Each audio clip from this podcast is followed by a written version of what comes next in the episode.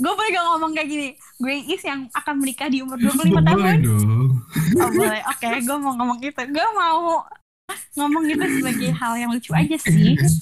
Oh, lu lu pede sekali ya kalau lu ini gokil ya. harus pede dong. Kalau nggak pede minder nanti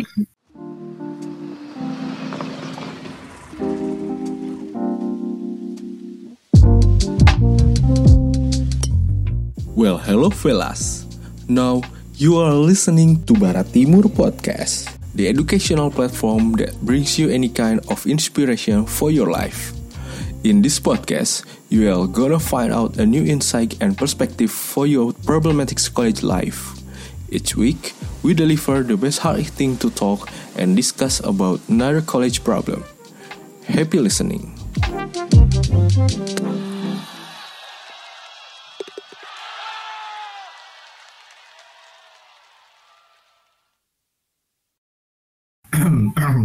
Hola semuanya, bareng lagi sama gue Revanda di podcast Barat Timur. Nah, yang bakal nemenin kalian bahas topik seputar mahasiswa tanpa basa-basi. Nah, di sini gue udah bareng Iis nih sebagai salah satu mahasiswa paling hits anjay dan anjas menjadi panutan yang bisa dibilang panutan karena menurut gue Iis ini orang yang paling banyak pengalamannya lah di PSDKU. Oke, kenalan dulu dong. halo guys mohon maaf nih gue newbie nih kayak gini-gini jadi agak aneh sebenarnya ya seperti yang udah dikenalin sama Reva tadi ya nama gue Ies mahasiswa administrasi bisnis 2016 kayak gitu belum lulus statusnya bentar lagi doain ya Is ini dari Jakarta ya, Is. Is Jakarta Iya. Bekasi sih. iya Jakarta Jakarta gue Sombong banget dah. Jakarta bukan sebelahnya nggak bercanda Gimana kabar lo Is selama pandemi ini? Sehat-sehat? Alhamdulillah baik baik gue Keluarga sehat, keluarga? Alhamdulillah ada sih om gue apa om gue positif Kenapa? kasihan Serius? positif iya cuma dia pelaut kan jadi di Makassar nggak di Jakarta terus ya udah Berarti terjangkitnya di sana. iya deh kayaknya di kapal kan waktu itu kan pas Hmm. ada corona nggak bisa pulang sama sekali kan. Saya nggak lo nggak boleh bener-bener cuman boleh di kapal nggak boleh keluar dari kapal. Kayak di karantinanya Iya, iya. itu di kapal. Heeh. ya udah terus pas udah dibolehin pulang sekarang kan karena dibolehin pulang tuh harus ini kan kalau naik pesawat perlu kayak surat-surat gitu kan surat eh, pernyataan kalau lo tuh negatif. Nah kemarin dicek hasilnya reaktif gitu terus jadi positif terus ya udah. Sekarang lagi diisolasi Jodoh aman tapi jodoh. Ya Allah masih mencari masih mencari nih tolong bantuin dong Rev tapi enggak sih gue lagi nggak mikirin cowok sih untuk saat ini pelajarin sudah pelajarannya kayaknya udah cukup deh kalau Oh, masalah cukup ya. percintaan Oh, ya. hmm, udah cukup Sama yang terakhir ya, udah banyak Iya. pengalaman banget berarti ya. enggak juga sih kayak sama yang terakhir nggak banyak banget pengalaman cuman maksudnya kayak Hmm. gue sekarang lebih mikirnya ya kalau gue eh, gue lebih ke diri gue sendiri sih kalau misalkan gue bertanya kepada diri gue sendiri apakah lo bisa memulai hubungan lagi? Apakah lo ma- sanggup untuk ngasih investasi waktu lo tenaga lo uang lo buat pasangan lo nanti? Nah kayaknya gue belum sanggup sih saat ini. Saat ini gue nggak sanggup. Gue no gitu kayak nanti aja di saat gue udah merasa diri gue pantas dan sanggup baru Ya, at least you, you learn something lah ya. Iya sih.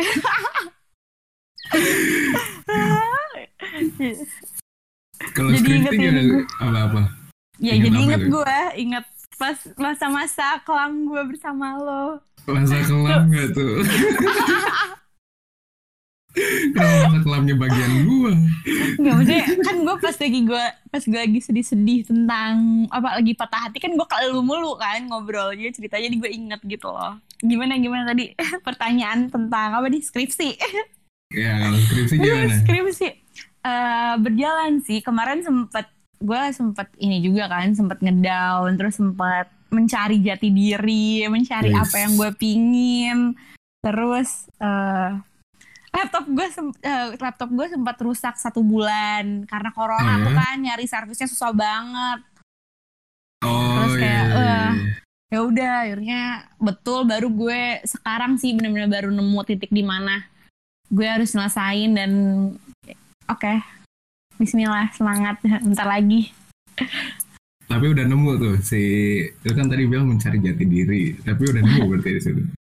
sebenarnya buk eh, kalau menemukan jati diri kayaknya belum gitu tapi seenggaknya saat ini gue udah tahu gue mau ke mana gitu loh untuk jangka pendek untuk yang kayak oke lo nggak usah kan tadi gue mikir kayak aduh gue ngerjain skripsi ntar lulus abis lulus gue ke mana gitu Eh, gue mau kerja di mana gue mau jadi apa gitu gitu pikirannya Hmm. kayak gitu pasti lo merasakan juga kan Trev Banget, pasti kayak banget. eh, pasti eh, teman-teman kita yang seusia kita tuh merasakan yang namanya nanya ulang ke diri kita lo mau jadi apa? Lo mau ke mana? Dan kemarin gue sempet mikir-mikir kayak oke akhirnya gue menemukan gue mau ke sini gue udah punya beberapa option dan gue udah tahu eh, apa yang gue tuju sekarang. Nggak kayak kemarin kalau kemarin tuh kayak eh, gue pasti ke mana ya gitu Eh, masih bingung gitu loh masih ngawang mau S2 kah mau kerja kah mau bisnis eh, bisnis kah atau mau nikah kah ya enggak sih kalau nikah Dan biasanya pikiran-pikiran itu tuh muncul ketika jam 3 pagi gak sih? iya kalau gue di atas jam satu sih Eh, ya pokoknya jam-jam jam segitu lah ya. Iya. Jam-jam tahajud tuh emang benar-benar ya, eh, benar-benar itu jam-jam di mana kita tuh overthinking betul betul. Gue setuju banget itu. Nah ngomong-ngomong tentang tujuan hidup, mau jadi apa dan lain-lain, kita kan bisa dibilang udah tiga tahun kul lebih lah ya, tiga tahun lebih nih kuliah. Dan bentar lagi banget kita lulus. Terus dari segala yang udah dipikirkan tadi, oke itu termasuk mimpi-mimpi lu waktu maba gak? Atau pada saat lu maba itu ada mimpi-mimpi lain yang udah terrealisasikan atau belum gitu? ada yang udah terrealisasi ha- eh, hampir semuanya terrealisasikan sih alhamdulillah kalau kalau di saat gua maba Hmm. itu kan yang namanya maba tuh waktu pas kita prabu kita ngeliat mau apres mau apres gitu kan. Iya. terus kayak anjir gitu kan keren tuh terus ya udah eh, impian gue saat itu gue cuman pingin jadi dan kebetulan banget gue pas eh, masa maba itu abis abis baca buku si Jack Ma dan gue mengikuti moto hidupnya dia gitu. Hmm. eh di mana dia bilang di saat umur lo 20-an lo tuh harus jadi be a good student gitu. Hmm. kayak mahasiswa yang baik gitu. Ya udah sebenarnya cita-cita gue cuma pengen jadi mahasiswa yang yang baik gitu. Gue mau melakukan yang terbaik dari diri gue sendiri versi diri gue sendiri gitu. Bukan jadi yang terbaik tapi melakukan yang terbaik tapi versi diri gue sendiri Iya, kayak iya, gitu. nah terus di sana gue kayak eh sebenarnya itu kayak kebesit di awal doang sih pas Prabu gitu. Pas Prabu gue ngeliat mau apres wah gue pingin deh jadi mau apres kayak gitu kan. Terus ya alhamdulillah sih kayak ya walaupun IPK gue nggak tertinggi maksudnya gue bukan mau apres dalam IPK tertinggi gitu tapi eh, alhamdulillah setiap tahun setiap PMBP gue eh, dipanggil jadi mau apres kayak gitu. Itu sebenarnya adalah hal yang seben yang saat itu bukan jadi mimpi mimpi gue yang gue tulis dan mimpi gue yang gue pingin banget gitu loh Res. Oh. ya maksudnya kayak gue cuman terbesit doang ngeliat mau apres terus gue kayak ngebayangin gue di depan ih kayaknya asik deh gue pingin lagi jadi mau apres kayaknya kalau gue jadi mau apres emak gue bangga kayak gitu Ah, eh pas eh maksudnya pas seiring berjalannya waktu gue nemu passion gue di mana gue tekunin di sana terus gue ikut A B C D E kayak gitu dan alhamdulillah kayak gitu. Kayak gitu sih Ref. Sebenarnya setiap tahun eh, kalau ngomongin mimpi setiap tahun tuh gue bikin yang namanya impian. Jadi setiap awal tahun gue pasti punya notes baru punya catatan baru eh, notebook baru.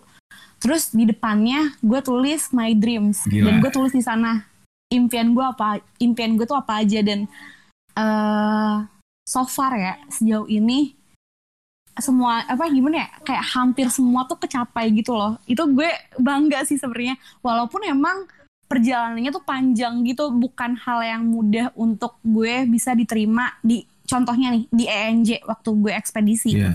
itu gue tuh udah pingin banget yang namanya ikut ENJ dari tingkat 2 Hmm. pas gue ikut tingkat 2 gue tuh nggak dapet kabar sama sekali. Dan gue tuh eh, tapi gue nggak ngedown. Gue kayak mikir em ini kenapa ya? Oh eh, ini kenapa gue nggak kok nggak keterima? Terus gue mikirnya nggak jadi si ekspedisi ini. Tau taunya jadi. Ya gue aja yang nggak keterima. Terus tahun depannya lagi pas ganti tahun gue tulis tuh bener gue tulis kayak gue pingin eh, gue pingin jadi eh, apa gue pingin jadi ekspeditor kayak gitu. Di ENJ kayak gitu kan. Hmm. soalnya gue udah tahu gimana gimana maksudnya gue udah membaca sekilas kalau misalkan ekspeditor ini tuh dibiayain full dari si kementeriannya kayak gitu. Jadinya gue yang benar-benar kayak gue tulis lagi dan alhamdulillah kayak kecapai. Jadi ya gitu sih. Maksudnya eh, pernah juga nih gue. Sebenarnya impian eh, pas impian gue impian gue tuh adalah jalan-jalan gratis waktu itu jadi gue Hmm. cuman kayak gue punya mimpi eh, ini mimpi gue waktu gue maba Ya. abis gue maba gue traveling sama temen gue gue traveling sama temen gue waktu itu gue ngabisin uang sekitaran 5 juta tuh dan itu nabungnya tuh dari kelas 1 SMA sampai 3 SMA untuk untuk bisa Wih. dapet eh, tabungan segitu Gila, gila, gila. terus gue terus gue pergi gue pergi gue keliling eh, Flores waktu itu pokoknya gue dari Lombok apa Labuan Bajo terus seru banget. Lo eh, lo juga di sana kan? Lo juga di Lombok Iya, kan? di PKL Lombok. itu bagus banget demi apa pun. Tapi di sana gue kayak ngerasa kosong gitu loh. Gue kayak ngerasa Apa? loh kok gue ngabisin uang 5 juta, 5 juta tuh kayak useless gitu. Karena? kayak apa ya? Karena gue ngerasa gue ngebuang-buang uang di saat gue nah ini tuh eh, momen ini menurut gue momen terpenting dalam hidup gue jadi pas Mhm. gue gue eh, sailing trip kan pas gue sailing trip gue eh, gue tuh di sana tour ikut tour gitu jadi 20 orang eh, 15 orangnya tuh orang luar Oh. ada satu bule eh bule Prancis waktu itu dia nanya nanya ke gue kayak apa mimpi lo kayak gitu kan Serius? Terus gue yang kayak Iya dia ngomong gitu apa mimpi besar lo? Gue yang diem dong maksudnya kayak Ah, mimpi gue apa? Gue bahkan gue tuh gak kepikiran dia tuh nanya mimpi besar bukan kayak eh mimpi lo tahun ini apa? Gitu. Hmm. kalau mimpi lo tahun ini gue bisa menjawab dengan oh gue pengen ini ini, ini. Tapi kalau Hmm. mimpi tujuan hidup kayak gue langsung ah, kaget sih sebenarnya. gue maba. gitu ya. Ah, ah. Ah, main blow banget. Tapi di sana gue refleks aja menjawab eh gue pingin majuin pendidikan di Indonesia gitu. Gue gue pingin pendidikan di pelosok tuh sama kayak yang di kota-kota. Hmm, nggak kalah gitu.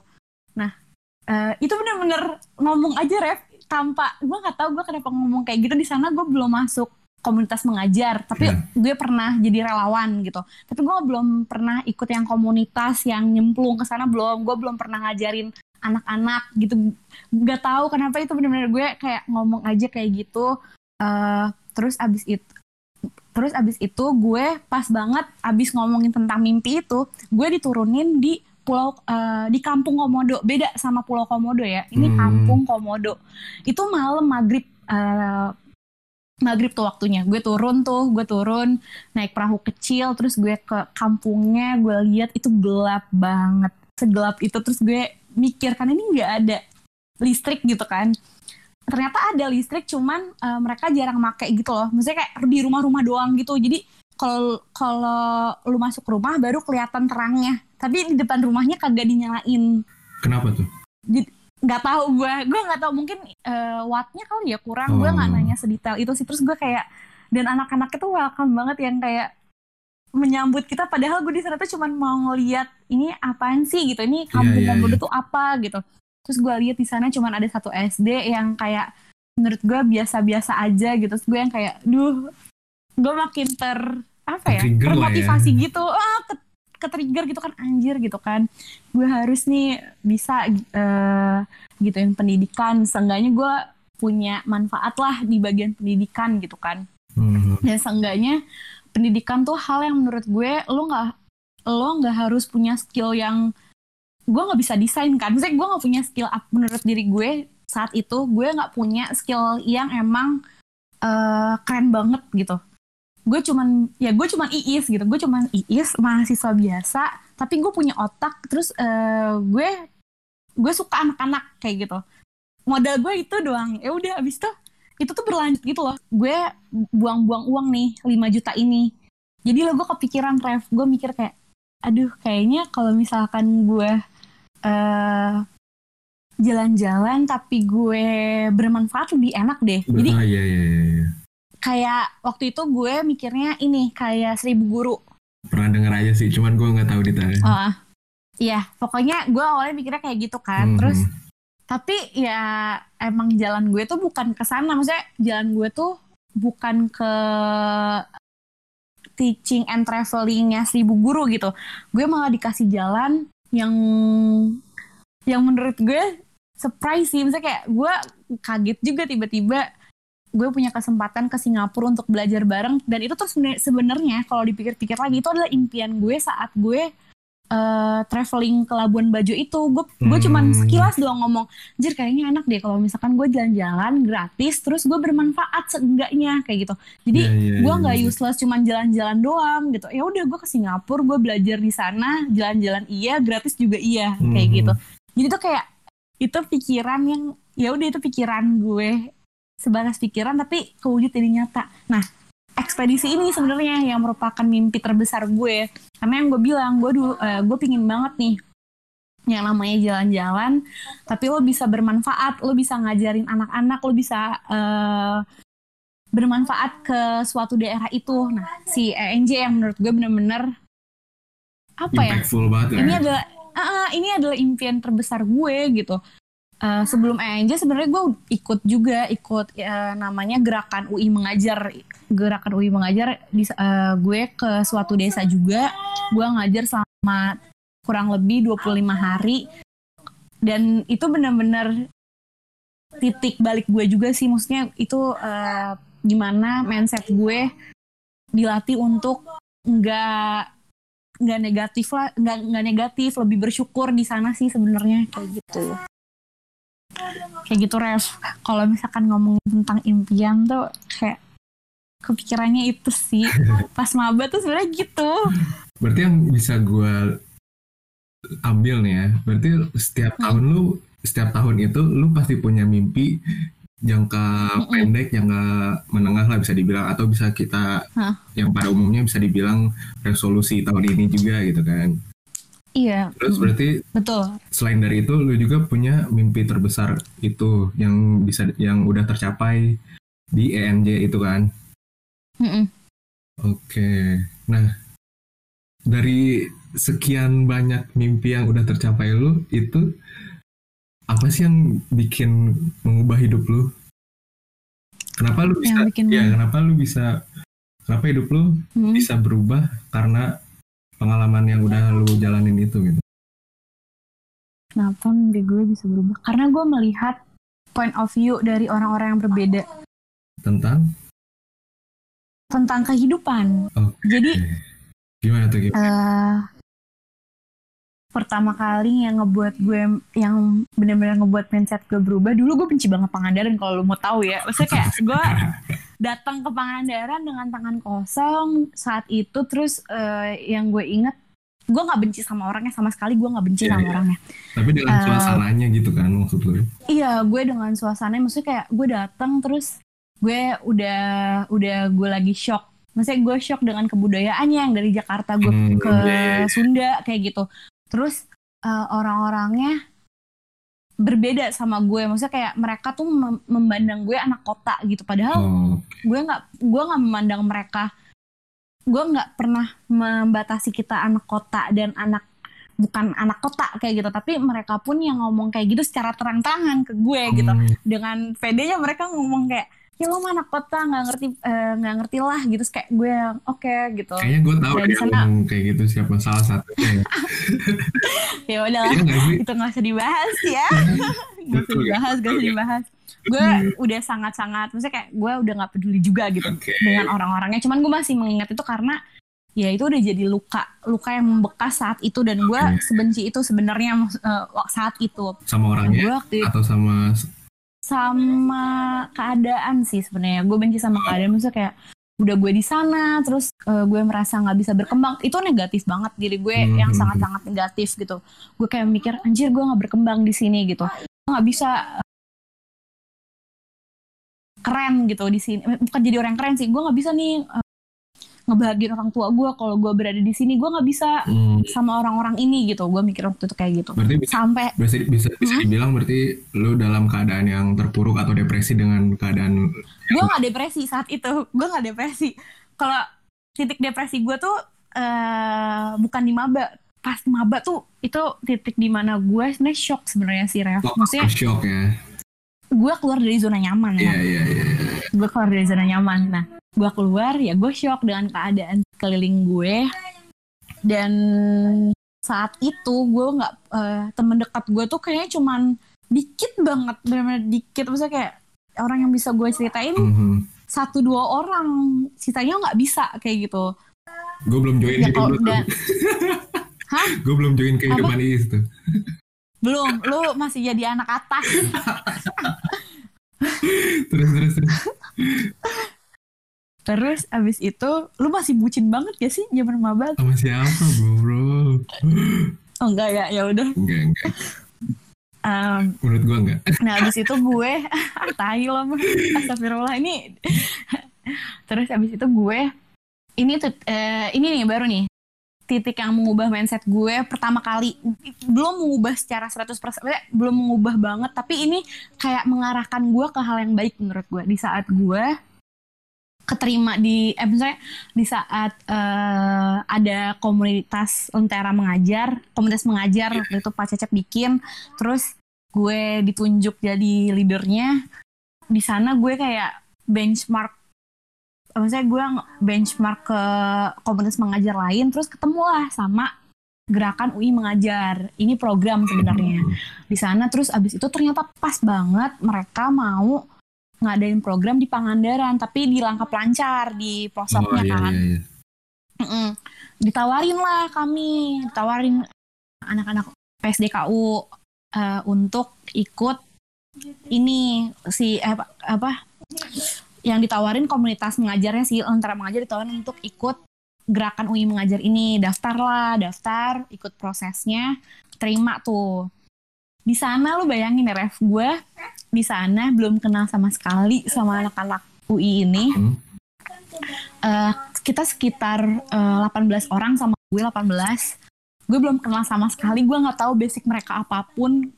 Ya udah gue dengan PD-nya tapi pikiran gue cuma satu di sana ya gue eh, ini apa ya gue yakin gue bisa berbaur sama orang-orang ini. Eh, dan gue yakin gue bisa ngasih eh gue bisa belajar. Gue bisa belajar banyak dari program gerakan UI mengajar ini gitu. Jadi gue percaya aja udah nggak apa-apa Is ikut aja gitu kan. Udah gue ikut. Wah itu bener-bener eh yang gue kira anak maksudnya gue kira tuh mereka bakal lebih sombong mereka nggak bakal saya hai duluan ternyata nggak banget. Mereka super baik banget dan mereka tuh orang-orang keren. Dan gue baru tahu kan eh, gerakan UI mengajar ini punya seleksi yang sangat ketat ketat dan orang-orang yang yang lolos itu tuh orang-orang yang keren menurut gue. Bener pas gue kenalan tuh yang kayak anjir keren banget gitu. Yang satu tuh kayak ada ketua BEM-nya terus ada ada mawapres gitu kan. Ada mawapres UI-nya terus gue yang kayak wow pokoknya mereka adalah orang-orang keren. Ya orang-orang keren. Ya sama sih sebenarnya kalau misalkan kita lihat program kalau ada program kerja di Unpad kan pasti eh yang masuk sana kan Yang ada juga seleksinya kan. Ah, ah, yang terpilih juga. Nah sama. Pas gue kenalan gue kira mereka tuh bakal eh, merendahkan gue gitu. Misalnya kayak unpad pangandaran. Ya gak sih? Kayak itu banyak banget ya orang-orang yang ngerendahin kita karena PSDKU Pangandaran kayak gitu kan. Ya masa unpad di Pangandaran sih? Ah masa unpad di Pangandaran? Tapi ini nggak sama sekali ref.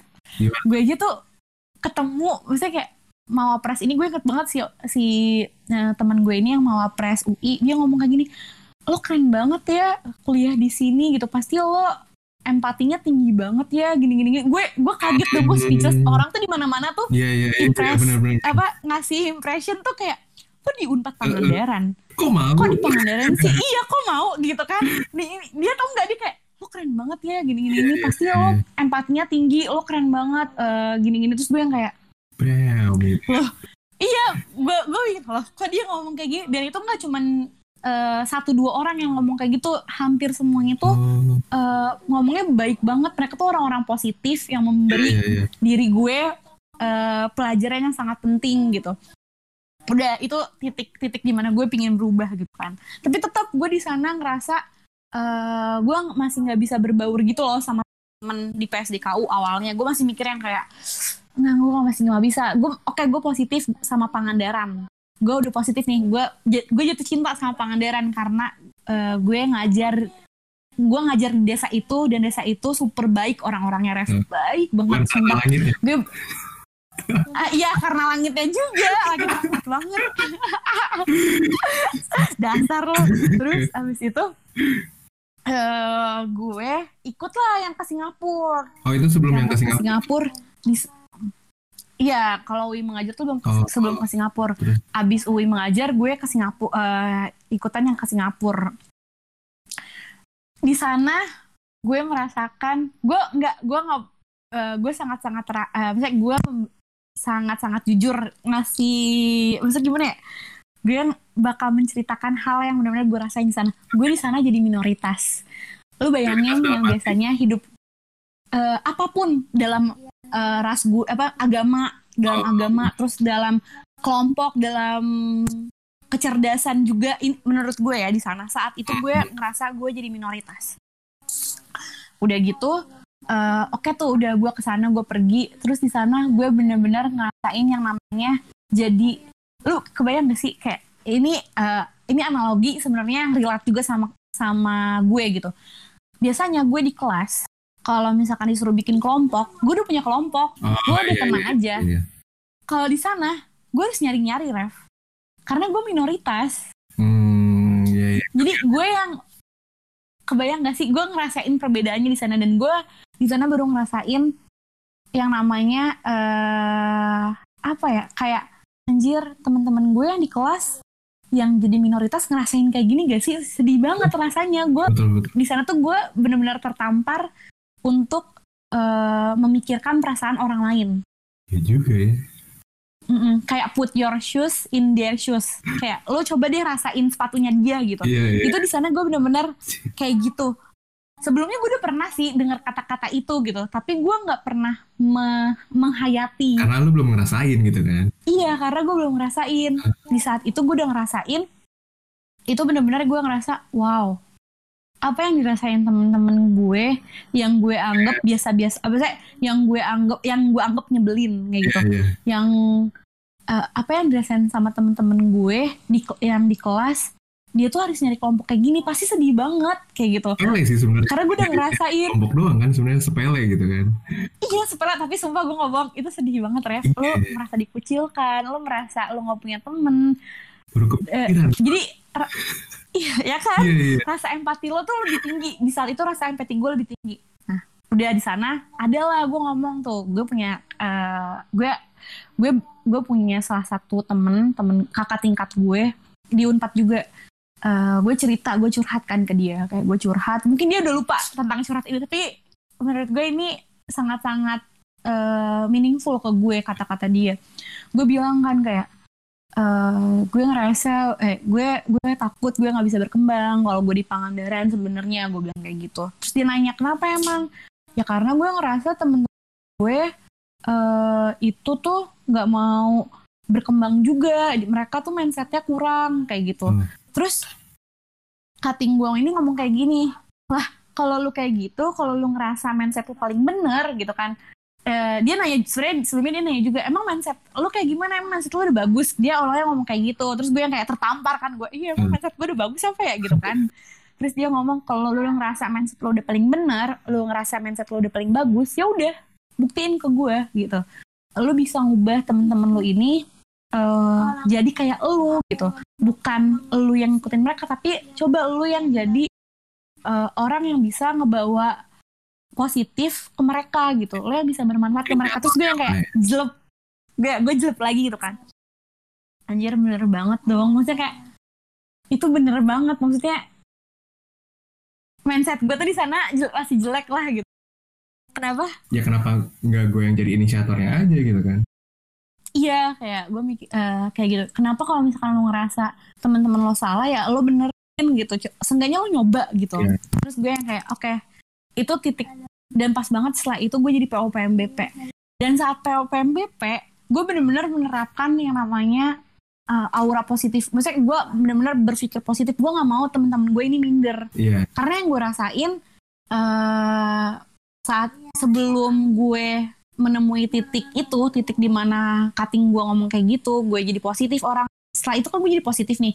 Sebelum itu kan gue masih ngerasa minder yang namanya PSDKU gue di Pangandaran gue masih minder. Gue masih ah, gue di Pangandaran kayak gitu. Eh, gimana ya kayak gitu. Tapi pas gue setelah dari sana gue udah gak minder lagi. Gue udah bener-bener nanamin yang namanya hal-hal positif kata-kata eh, teman-teman gue dari UI kata-kata teman-teman gue dari Singapura itu benar-benar gue tanamin ke diri gue dan gue implementasiin ke tem- eh, gue mencoba untuk mentrans- mentransfer eh, apa yang gue udah tanamin ke teman-teman panitia PNBP saat itu. Gue bilang gue selalu bilang eh, apa ya tujuan kita cuma satu kita mau kaderisasi kita mau ngebuat bangga eh, PSDKU itu yang gue tanemin pokoknya gue eh, gue bilang kita nggak eh, kita sama Nangor tuh sama aja. Karena waktu itu mindsetnya masih Ya, ini kan Banget banget. kita Nangor beda gitu. Kita Nangor dan saat itu pun gue masih inget banget ada salah satu temen gue panitia juga yang ngomong kita sama Nangor tuh beda gitu. Nangor tuh bagus gini gini gini. Itu bener-bener saat itu gue bener-bener marah saat denger dia ngomong gitu. Cuman gue nggak marah yang bentak-bentak nggak gue cuman diem doang. Tapi eh, dan setelah itu gue ngomong gue ngomong gue ngumpulin semua panitia dan gue mencoba bikin quiz gitu. Lo ada gak sih yang pas gue bikin quiz kalau misalkan lo semua di sini eh, punya kelebihan pokoknya gue bener-bener ngumpulin semua panitia untuk ngasih kepositifan lah. Maksudnya kayak ya kita sama aja sama Nangor kayak gitu. Karena ya sama aja gitu. Kita sama gue belum manusia. itu.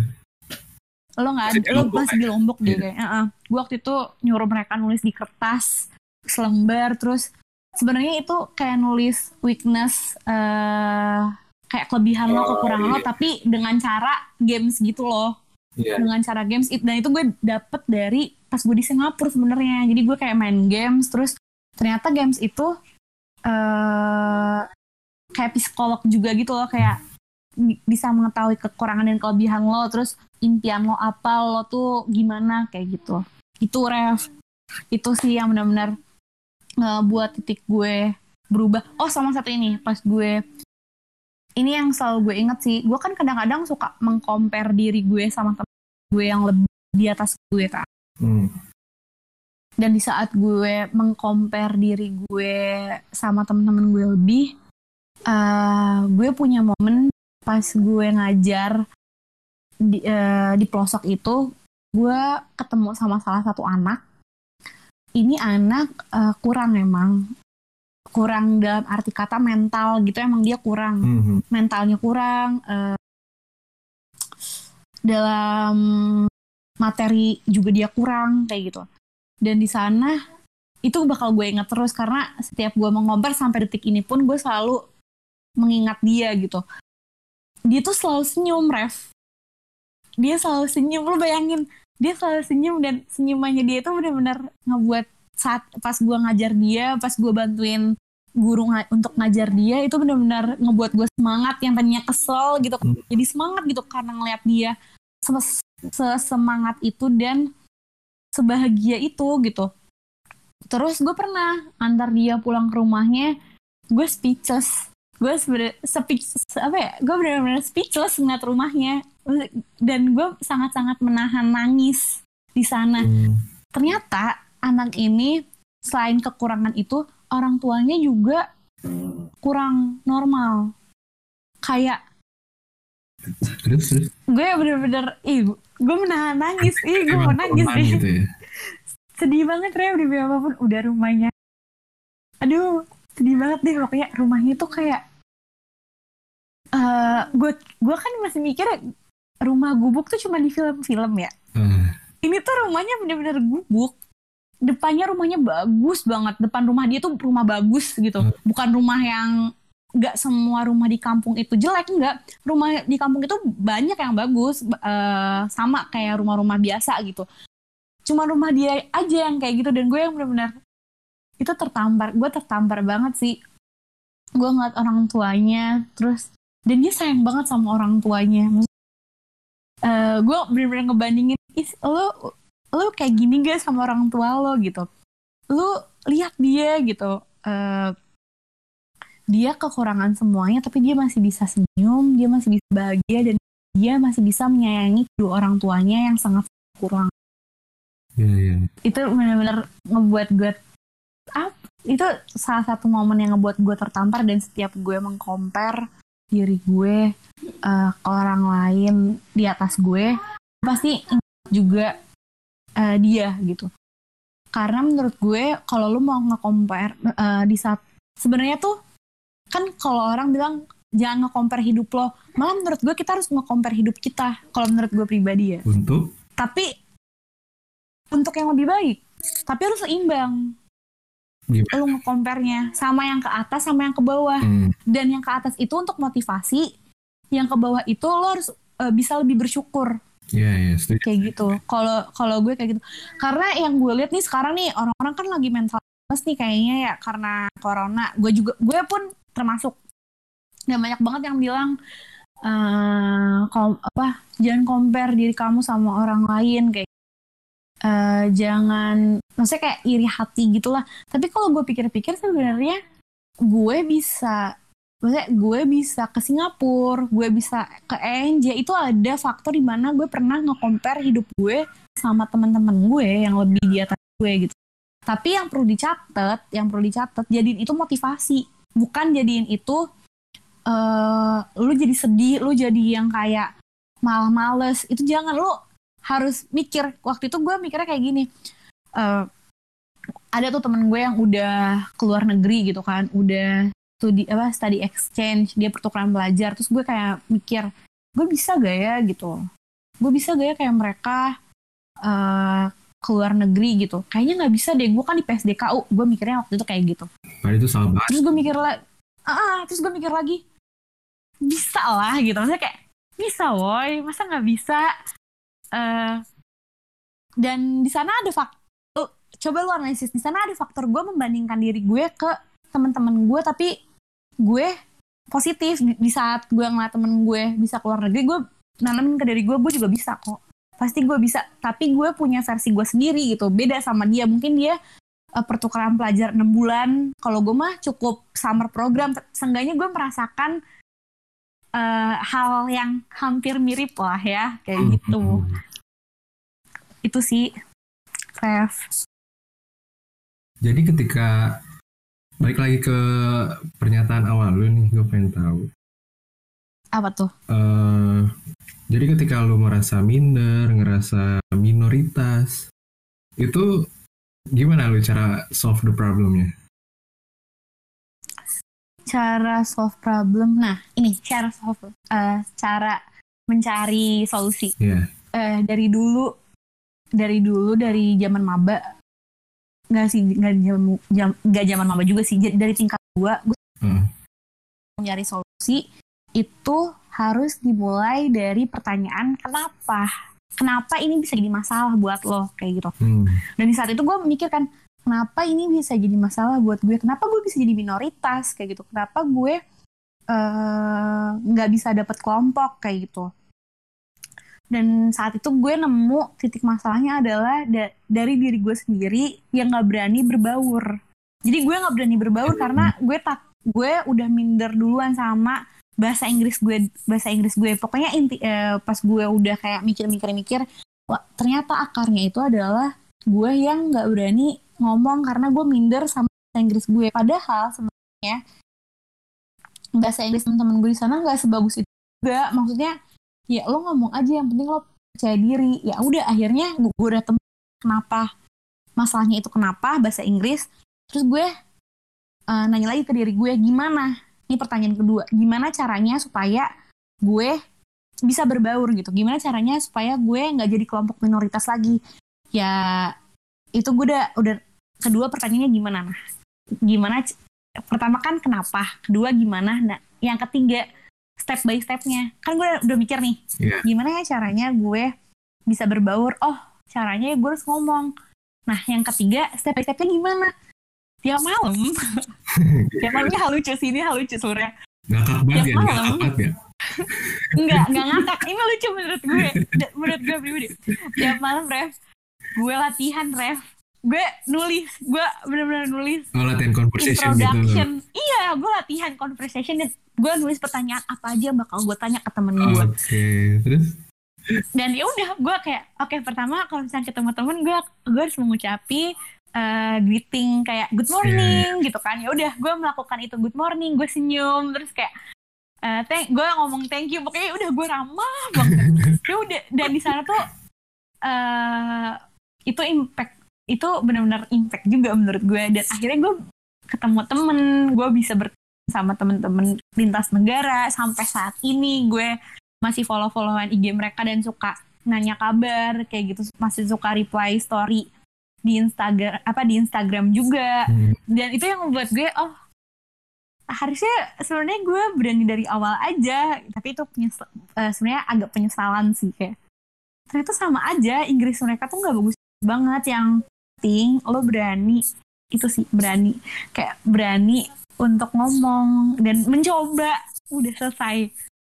Itu jadi kalau lo mau kalau lo punya masalah tiga hal itu. Kenapa? Bagaimana? Step by stepnya. Tapi nggak semua masalah bisa diselesaikan dengan kayak gitu sih. Ya enggak ini beda topik sih. Gak jadi deh. Gak. Enggak, enggak, ini beda topik. Maksudnya kayak gue pernah punya masalah. Lu juga tahu lah masalahnya. Hmm. Ya, yang something, eh gue nitipin sesuatu, orang itu nggak amanah. Oke. Ya, itu permasalahan kan. Hmm. Dan gue nanya, kenapa nih orang bisa kayak gini gitu kan. Itu malah ngebuat lo berandai-andai gitu loh. Dan itu mah pilihan gue sebenarnya pilihan gue untuk kayak mikir ya udahlah ikhlasin aja kayak gitu ya udah memaafkan aja kayak gitu Oke. Tapi seru sih, maksudnya apa ya? Lu gak bakal bisa kayak lu yang sekarang kalau lu nggak ngelewatin itu semua kan? Betul banget. Dan satu kata dari salah satu pengusaha yang menurut gue sukses namanya Kak Egar. Dia ngomong, kuliah tuh kuliah tuh bukan tempat lo nyari teori tentang suatu jurusan yang lo dalamin aja, tapi tempat lo ngebuat mindset cara eh, tempat lo untuk ngebentuk mindset lo. Dan gue setuju banget. Karena kuliah dan SMA gue beda jauh. Ya setuju. Beda banget. Beda banget kalau gue pribadi. Kayaknya setiap orang juga bakal mengalami itu sih. Yang tem- maksudnya lu lihat deh teman-teman bisa dibilang teman SMA lu ya, ketika Iya. lu SMA berteman sama dia, dia mikirnya kayak gimana sama sekarang pasti beda gitu. Ada Beda, ada perubahan yang terjadi sama dirinya juga gitu kan. Pasti benar-benar setuju. Iya. gitu. Terus menurut gue juga terlepas apa ngomongin tentang eh, lu harus membawa impact terhadap teman-teman lu yang bisa dibilang kurang dalam hal Hmm. mindset gitu kan untuk emang tujuan kita kan bagus ya untuk memajukan bisa dibilang circle kita gitu kan. Cuman balik lagi sebenarnya Hmm. kalau menurut gue orang ini mau maju atau enggak gitu. Karena Iya. percuma gitu kita udah buang-buang tenaga udah meluangkan waktu untuk membagi pemikiran. Tapi kalau ini orang yang gak mau maju ya buat apa juga kita paksa-paksa gitu kan. Dan balik lagi itu menurut gua keegoisan diri kita juga kalau misalkan kita menjadi sosok yang menjadi apa sosok pahlawan gitu karena orang juga nggak nggak membutuhkan itu kalau dia tidak nggak mau gitu ya kan Hmm. Iya. peran kita akan terlihat bodoh amat di mata dia kalau misalkan dia tidak butuh gitu. Benar-benar. Lo nggak bisa ngekontrol mereka kan? Iya betul. Padahal waktu PMBP tetap aja marah-marah ya. Is. Padahal udah positif banget. Marah-marah mah gue marah gue kalau hal gue termasuk orang yang agak perfeksionis kalau dalam kerjaan jadi kalau misalkan ada orang yang mengganggu kerjaan gue gue akan "Hah, lo gak tau perjuangan gue Eh, nah, terakhir nih. Nggak terakhir sih. Karena kayaknya masih seru ya ngobrol sama Is. Tadi kan kita udah bahas nih tentang mimpi, tentang cita-cita, tentang pengalaman, dan lain-lain. Kan pasti banyak juga nih pendengar kita di luar sana atau siapa pun yang Hmm. masih banyak lah yang gak berani untuk bermimpi bahkan belum punya mimpi bisa dibilang karena Hmm. hmm, dalam kehidupan quarter life crisis kan banyak banget ya dan kita dalam mencari jati diri gitu Hmm. nah menurut lu gimana tips and trick buat mereka Wah, tips and trick. Eh, BTW sebelum ke sana nih, gue ada satu poin nih. Gue takutnya orang mikir kayak gue benci sama ini. Enggak ya, gue bener-bener nggak ke sana. Dan bahkan sebenarnya Res, dalam perjalanan cerita gue juga, eh teman-teman gue yang gue anggap kurang ini, akhirnya gue menyadari karena sifat empati yang gue bilang harus dikembangkan, sik- eh, sifat sikap inklusif, di mana lo harus put your shoes in their Hmm. shoes. Uh, bahkan saat ini gitu, gue uh, positif gitu loh ke mereka. Maksudnya kayak yang tadinya mereka ini ngomong, lo sih orang kota Iya. gitu kan. Uh, gue sekarang beda cara pandang gue kayak, ya mungkin saat itu mereka minder juga sebenarnya karena mereka bukan anak kota makanya mereka ngomong kayak gitu gitu bisa ngerti gak sih Bisa, poinnya kayak eh mungkin ref eh, mereka nggak mau ngikutin kita bukan eh kita pertama emang nggak bisa maksa gitu kan. Dan kit- eh, pi- pemikiran kita berdua tuh belum tentu 100% benar di mata mereka. Betul. Bahkan mungkin ada beberapa orang yang nggak suka sama kita gitu Ya, kan. banyak. Orang Eh, dari banyak iya sih. Apalagi sama lo. Sama gue juga banyak gue tahu kok. Bangke lu. Eh, tapi yang gue pelajarin tuh maksudnya kayak awalnya gue kan benci banget nih gue ada perasaan benci tapi saat ini gue tuh mikirnya eh, jangan-jangan gitu. Mereka tuh sebenarnya melakukan hal ini ke gue karena mereka juga minder kayak gitu. Mereka melakukan hal ini eh, ke gue tuh karena ada something yang ngebuat mereka nggak bisa join sama kita kayak gitu. Jadi gue agak positifnya ke sana gitu. Gue positifnya ya pertama emang kita nggak bisa maksa orang dan yang kedua yang tadi itu yang gue sebutin eh mungkin mereka emang nggak emang minder juga ke kita gitu. Dan mungkin fokus mereka tuh beda aja. Jadi Iya, iya. gue mencoba untuk memahami posisi mereka gitu loh. Iya, betul. kayak gitu. Ya mungkin fokus mereka bukan untuk berbagi empati ke anak-anak kecil gitu kan. Ya kan? Pasti punya tuh poinnya. masing-masing juga gitu nah balik Oh. lagi ke tips and trick nih gimana nih oh ya tips and trick kalau tips and trick eh sebenarnya gue eh, gimana ya ini kayaknya ada beberapa orang teman-teman yang- mendengarkan ini udah tahu cerita gue yang Ah. ini soalnya gue selalu cerita ini ke teman gue. Karena gue selalu mengimplementasikan hal ini ke diri gue pribadi gitu. jadi eh, tips dan trik cara gue untuk mewujudkan mimpi gue. Lo ini kan cara mewujudkan atau cara supaya punya impian? Untuk menemukan. Oh untuk menemukan. Hmm, kalau untuk menemukan lo harus ketemu dulu passion lo sebenarnya. Karena susah kalau kalau lo belum nemu passion eh lo bakal ke mana-mana menurut gue ini menurut gue ini disclaimer dulu ini menurut gue ini basic on experience. Kayak dulu nih dari zaman SMA gue mimpinya A B C D E F G H I J K L M N gitu kan. Berubah selalu berubah. Eh, dan saat ini saat maba gue udah ketemu impian gue untuk majuin pendidikan entah gimana caranya tapi itu adalah impian terbesar gue mau sekecil apa pun eh, yang gue kasih impactnya ke pendidikan Indonesia seenggaknya gue mau ke, arah sana Hmm. gitu. Dan cara gue menemukannya adalah ya gue ketemu dulu passion gue tuh di mana kayak gitu. Ya passion gue saat itu menurut gue eh, dan saat ini juga gitu. Semoga berlanjut dengan keidealisan diri gue ke masa de- ke masa-masa depan gue. Ya gue nemu passion gue adalah gue suka banget sama anak-anak sebenarnya. Gue suka sesuka itu misalnya kayak gue suka sama anak dan gue suka eh yang namanya ngajarin anak-anak. Tapi gue gak mau jadi guru ya. Misalnya kayak gue gak mau profesi gue guru. Iya. gue cuma suka aja berbagi ilmu ke orang-orang. Gue suka eh, ngajarin mereka gitu. Ngajarin anak-anak kecil ngajarin teman-teman gue pun sebenarnya sejujurnya gue suka kayak gitu. Cuman gue nggak pinter-pinter banget jadi gue nggak bisa ngajarin teman-teman gue kan. Mata kuliahnya susah cuy. Terus?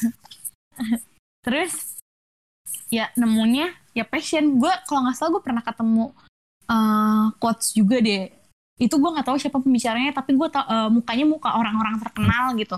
Dia pembisnis kalau nggak salah ya. Dia ngomong kalau uh, lu mau set goals kalau lu mau uh, ngesetting impian lu lu temuin lu. Gimana cara lu nemuin passion lu? Kalau menurut gue pribadi di saat lu mengerjakan hal itu lu merasa nggak capek lu merasa enjoy lu nggak merasa terbebani berarti itu passion lu oke okay. kayak gitu hmm. kayak passion gue tuh nggak cuman eh passion gue tuh satu, ada satu lagi nge-organize gue suka banget nge-organize kan kayak event ya acara yeah. gitu ya itu maksudnya kayak ya udah di saat dan gue tuh menemui passion gue di saat gue udah mencoba hmm. Gue nyobain dulu nih ngajarin anak-anak kecil. Ih kok gue having fun banget ya? Nggak berasa. Terus kayak nggak capek. Gue seneng banget ngajarin mereka ya. Gue ngerasa wah ini kayak passion gue nih gitu. Terus gue mikir-mikir lagi nih sekarang nggak um, ketemu passion organize ini kan baru-baru ya. Maksudnya nggak langsung gue ketemu yeah. dari SMA gue langsung ketemu. Gue uh, passionnya nge-organize. Enggak gue baru ketemu tuh pas kayaknya pas Pangandaran Run deh uh, gue gue ngerasa lah kok gue enjoy banget nge-organize orang gitu nge-organize acara. Gue suka banget. Kayak gue belajar gue banyak belajar banget. Entah apa pun itu dari mulai uh, cara ngatur eventnya dari mulai orang-orangnya kayak gitu kan.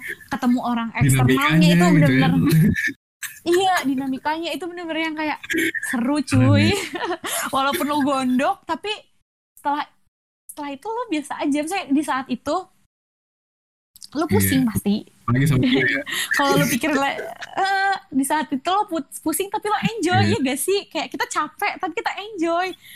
Ya itulah. Beda sama gue nih sekarang ngerjain skripsi gue hmm. penelitian. Gue ngerasa lelah banget gue ngeluh mulu. Ya berarti ini bukan penelitian adalah uh, bukan hal yang gue suka gitu. Penelitian bukan hal yang gue mau lanjut terusin gue perdalam. Tapi beda kan ada orang nih yang suka penelitian orang yang suka gue gue suka banget kayak gitu. Ngerasa enjoy skripsi jadi kesayangannya. Kalau gue enggak. Kalau baru kayak gitu. capek banget mata. Iya kan? Kayak ah, udah gitu. Itu sih kalau menurut gue RF kayak uh, ya cara gue menemukan impian gue adalah gue mencoba segala hal gue temuin apa yang gue suka dan itu menjadi impian gue gitu. entah itu impian jangka panjang atau impian jangka pendek kayak gitu betul, betul, betul. tapi yang pernah gue lihat di mana ya gue lupa sih entah quotes quotes Twitter atau hmm. apa gitu lah jadi ada teori passion itu bisa kita dapat ketika hal yang kita suka terus kita lakukan secara repetisi atau berulang-ulang nah itulah hmm. passion kita gitu nah itu benar juga ya. sih. Ya bener lah ah. Lo cobain berulang-ulang terus lo ngerasa ya kalau gue mah ngambilnya dari katanya passion kan bergairah. Ya udah kalau gue kerjain ya, bergairah itu passion gue udah. Kan lu tadi bilang mendapatkan passion uh, pas Pangandaran juga karena lu kan sebelumnya udah pernah apa menjadi PO beberapa event juga gitu kan. Makanya ketika lu di Pangandaran hmm. dapet tuh gitu. Karena sebelum sebelumnya udah pernah gitu. Yeah. kalau misalkan Pangandaran itu lu baru gak mungkin tuh di situ langsung dapet ya gak sih? Nah benar gitu. benar. Dan gue sebenarnya ngajar anak-anak kecil uh, maksudnya gue ngajar gue sering ngajarin adek gue gue sering ngajarin uh, ponakan-ponakan gue gue suka gitu bermain dengan mereka. Itu kan uh, diulang-ulang. Sampai gue nemu eh sampai gue ketemu kesempatan untuk membuka komunitas mengajar dan gue ngajar langsung uh, secara formal anak SD hmm. kayak gitu dan di sana ya gue ne baru nemu kayak kayaknya emang ini passion gue gitu ini uh, passion gue tuh berbau pendidikan dan anak-anak kayak gitu ya udah oke oke okay, okay. nah tadi kan gue udah buka Q&A juga nih di Instagramnya @baratimur. Yeah. Nah terus ini lumayan banyak yang nanya, tapi gue bakal pilih beberapa aja karena beberapa udah ada yang kejawab juga. Nah yang pertama mm -hmm. dari Adia nih, Teis dapat salam dari Adia semangat skripsi dan belajar tuvelnya katanya. Makasih. Terus dari Irfani.anis nih, cita-cita yang gak, cita-cita yang paling gak mungkin itu ada nggak sih katanya? Menurut lo gitu? ada kalau ada kalau lo nggak percaya sama cita-cita lo sendiri itu nggak bakal mungkin terjadi kayak lo udah lo bercita-cita tapi lo nggak percaya sama impian lo itu. Ya udah itu nggak bakal Dan lu- terjadi. Dan lu Iya nggak sih. berusaha untuk mencapainya itu ya? iya itu itu sih kayak sebenarnya gue nggak ngerti nih. Kalau misalkan cita-cita lo Hmm. terbang ya mungkin aja tapi eh, maksudnya kayak pasti orang mikir nggak mungkin lo, lo terbang gitu. Nggak mungkin ya. Sebenarnya mungkin aja pakai alat bantu. Pasti kalau misalkan lo udah punya cita-cita maksudnya kayak gini ya. Gini cita-cita adalah hal yang kayak ujung ujung dari perjalanan kita menurut gue cita-cita besar kayak impian Iya. besar lo nah gimana cara nyampe nya gimana caranya itu sebenarnya yang bikin impian lo Iya, terwujud setuju. cita-cita yang gak mungkin itu ketika lo mikir itu nggak mungkin itu nggak bisa ya udah itu nggak bakal Dan terjadi itu gitu. kayak di nah iya tuh kayak lu gue gue mimpi nih. Eh gue punya cita-cita gue punya cita terbang. Ah tapi nggak mungkin. Ya udah nggak bakal terjadi. Beda sama cerita kalau misalkan gue bilang gue mau terbang. Oh gue gue tahu nih gue bisa terbang dengan cara kayak Nah. gini nih nih. Beda kan kayak gitu. oke makasih pertanyaannya. Terus nih selanjutnya dari at sa.sls. Nah ini nggak tahu lah susah. Pertanyaannya how to how to be cheerful kata. Cheerful. Ya cheerful. kayak seneng gitu. Itu mah karakter gak sih? Oke mungkin eh, kalau yang gue tangkep mungkin bagaimana untuk menjadi orang yang positif kali ya. Karena terlihatnya akan selalu riang gembira dan lain-lain. gue udah sering sharing ini. Gue bisa jadi positif itu karena gue baca buku gue baca ba- Mhm. baca salah satu buku uh, The Secret judulnya. Dan gue baca eh, gue gue berusaha untuk memahami surat ad-duha. Itu dua dua hal yang yang membuat gue jadi positif ini saat ini. Eh, jadi buku The Secret ini bahas buku The Secret dulu ya. Buku The Secret ini dia tuh ngomong dia ngomong tentang hukum tarik menarik apa yang Hmm. lo pikirin itu bakal itu bakal yang terjadi hidup lo yang sekarang adalah refleksi eh, pikiran lo di masa lalu. Nyadar gak sih? Dan ini menurut gue bener banget. Sebenarnya ternyata sudah memikirkan dari dulu, dahulu kala ya. Eh, terus?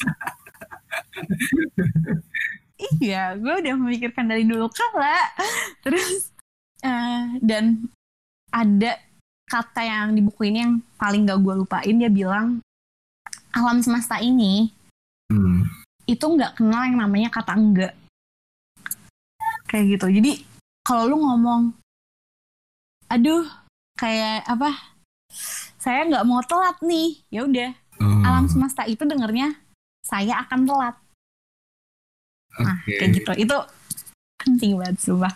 Jadi alam semesta ini akan mengaminkan diri apa pe- pikiran kita tapi dia nggak mengenal kata enggak jadi ketika lo bilang aduh gue takut deh kayaknya gue bakal gemuk. Ya udah lo bakal gemuk karena ya didengar tuh gemuk kayak gitu. Itu udah Terus, fakta sih. Dari sini jadi sebenarnya intinya eh, kontrol apa yang lo pikirin dia Hmm. bilang gitu kan. Kayak lo harus positif sama pemikiran lo. Lo harus bertanya sama diri lo sendiri apa yang lo mau. Lo harus percaya sama impian lo dan lo bakal mencapai impian itu gitu. Ada tiga sih eh, konsepnya tiga ask believe sama res- eh, receive ya? Receive ah. Receive ya kan bener gak sih spellingnya? Ya udah. Gitu jadi tiga itu lo harus bertanya sama diri lo sendiri lo harus percaya yakin lo bakal menggapai itu dan yang ketiga lo bakal mencapai itu. Dan ini gue lakuin ke semua ref semua impian gue pakai ini. Termasuk kehidupan percintaan gue. Gue pakein ini. Sekali anda. tapi mm, ih. Kalau kata Hendra gue tuh teoritis banget. Jadi kayak apa kenapa sih? Lo kan abis gue putus gue Iya. evaluasi diri ya? Terus dia bilang gini lo ngapain sih evaluasi diri? Gitu ya kalau patah hati aja patah hati aja gitu. Kayak nggak nggak gue nggak bisa. Hidup gue ter hidup gue terlalu berharga untuk digituin. Gue harus pelajarin apa yang salah. Gue nggak mau mengulangi lagi Evaluasinya gitu. sekalian bilas muka gosok gigi nggak? iya dong. Lagunya evaku evakuasi dong. Terus terus. Eh, dan yang paling penting ya berdoa sama restu Hmm. orang tua ketika lo punya impian lo kasih tahu sama orang tua lo karena doa orang tua tuh gede Banget. banget menurut gue terus eh, dan yang paling dan ini gue baru baca juga sih hadis dan gue baca dari sebenarnya dari dari notesnya temen gue i- ini hadis hadisnya siapa gitu gue gue kurang tahu gitu cuman intinya dari hadis ini kalau lo punya impian lu jangan sebar ke orang-orang. Hmm. Iya, iya, gue iya. bingung dong gue bingung nih. Loh kenapa nggak boleh sebar? Gue tanya dong ke temen gue. Ehm, loh kenapa nggak boleh sebar? Bukannya diaminkan sama teman-teman kita. Terus dia ngomong belum tentu is. Siapa tahu teman kamu nggak suka sama kamu sebenarnya. Terus dia berdoa jahat sama impian kamu. Jelek gue langsung kayak oh iya bener juga. Jadi eh karena orang tua kita nggak mungkin melakukan hal itu. Jadi menurut gue ketika lo punya impian lo harus membagikan itu ke orang tua lo. Karena orang tua lo pasti akan mendoakan kayak gitu. Kalau untuk ke teman-teman harus hati-hati. Gue juga baru tahu sih gue benar-benar baru tahu hadis kayak apa hadis itu gitu. Oh pernah baca juga. Ab- Nah. Ah. hadis Abu Hurairah kalau nggak salah. oh iya ya ya itulah Terus terus. abis itu kalau kalau selanjutnya yang paling benar-benar bikin gue positif di saat gue pokoknya kalau misalkan gue dalam keadaan yang negatif nggak munafik gue kadang-kadang dalam keadaan munafik gitu bahkan gue pun di saat udah perjalanan positif itu di saat selesai gue udah menjadi orang positif gue pernah depresi kayak gitu kan perjalanan lah perjalanan Hmm. hidup gitu kan dan di saat gue negatif lagi di saat gue depresi di saat gue sedih di saat gue ya nega, eh, pokoknya yang negatif negatif gue pasti dengerin eh, surat ad- surat aduha gitu. Sama terjemahannya sama tafsirannya Hmm. kalau perlu. Gue ba- gue benar-benar baca lagi karena itu benar-benar apa ya bikin tenang aja. Karena Tuhan lo udah berjanji sama diri lo sama diri lo kalau misalkan dia bakal eh, bantuin lo kayak gitu dia bakal ada buat lo kayak dan dia nggak bakal ninggalin lo kayak gitu jadi apa ya itu benar-benar nenangin gue banget peaceful banget lah Oke, maybe that's it. I think it's really enough buat episode 3 kali ini. Terima kasih buat semuanya yang udah dengerin podcast ini. Jangan lupa stay tune terus di Instagramnya @baratimur dan Spotify-nya Barat Timur untuk info-info menarik selanjutnya. Karena minggu depan kita akan bahas topik tentang Nah, oke. Gue Rifanda dan gue Iis mana katanya mau bikin Nggak pakai. Gak gue malu anjir percaya aja lagi Ya udah. Oke, see you in the next episode. Bye semuanya. bye jadi semuanya semoga bermanfaat Thank you.